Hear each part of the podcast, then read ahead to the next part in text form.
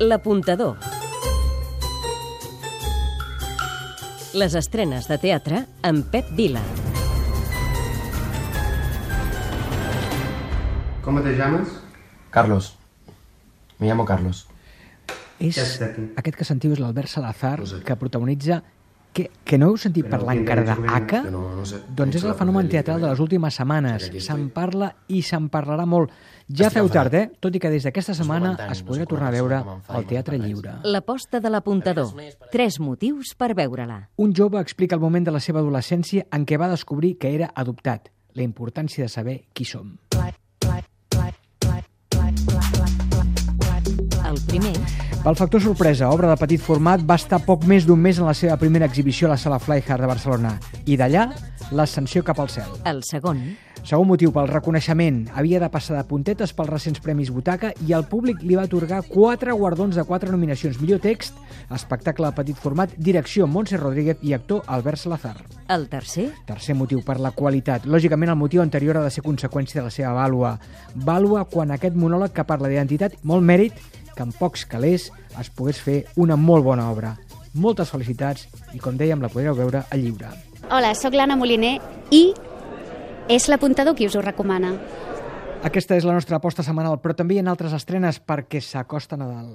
Ell no entén les seves paraules, però entén els gestos. La neta del senyor Lin, Lliure Montjuïc, Lluís Omar, home orquestra. El gran actor fa tots els papers d'aquest monòleg de la novel·la de Philippe Claudel, que ha dirigit Guy Cassier i que parla dels drames dels refugiats. A més, Omar es converteix en director d'escena on també controla les imatges, el so, les projeccions i la música. Él no me gustaba, ¿sabes? Pero se me da muy bien engañarme a mí misma con amores imaginarios. La mujer más fea del mundo, Atrium, la revolució de la lletjor. Anàlisi sarcàstic del paper que el cos físic exerceix en el món i com aquest està encadenat al grau de felicitat al que una persona pot aspirar. Declaració d'amor a la lletjor i un crit a la revolució. I vindrà el teu pare, ens traurà d'aquí i tornarem a Barcelona i, i podràs conèixer el teu Camins tancats versus glòries. Com d'insensibles som a la crisi humana dels refugiats? La companyia La Maula entrellaça dues històries que parlen de pobles que fugen i gent que pateix els efectes de la guerra.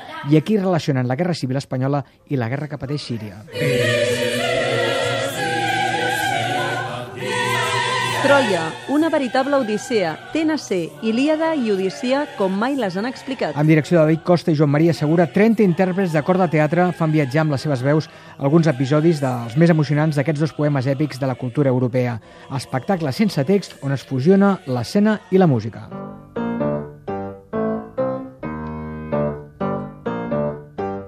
Ciutat de Gespa, Maldà, imperdible Joan Vázquez. Si us va agradar Paquito Forever, no us perdeu aquest espectacle d'aquest gran actor i cantant basat en la poesia de Walt Whitman i de Lorca.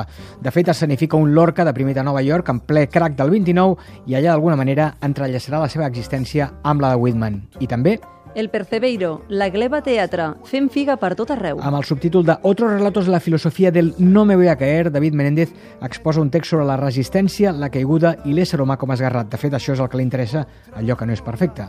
Tot esperant Godot, el musical Sala Bars, l'existencialisme com a eix. Adaptació clàssica d'aquest clàssic del segle XX, del Teatre de l'Absurd, escrit per Samuel Beckett a càrrec de la companyia Pot Teatre, que ofereix una nova visió i plantejament escènics. El gran tema és la incomunicació, que pot simbolitzar el tedi i la manca de significat de la vida humana.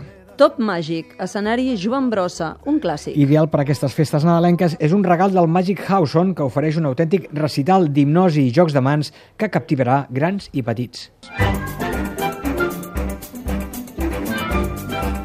les recomanacions.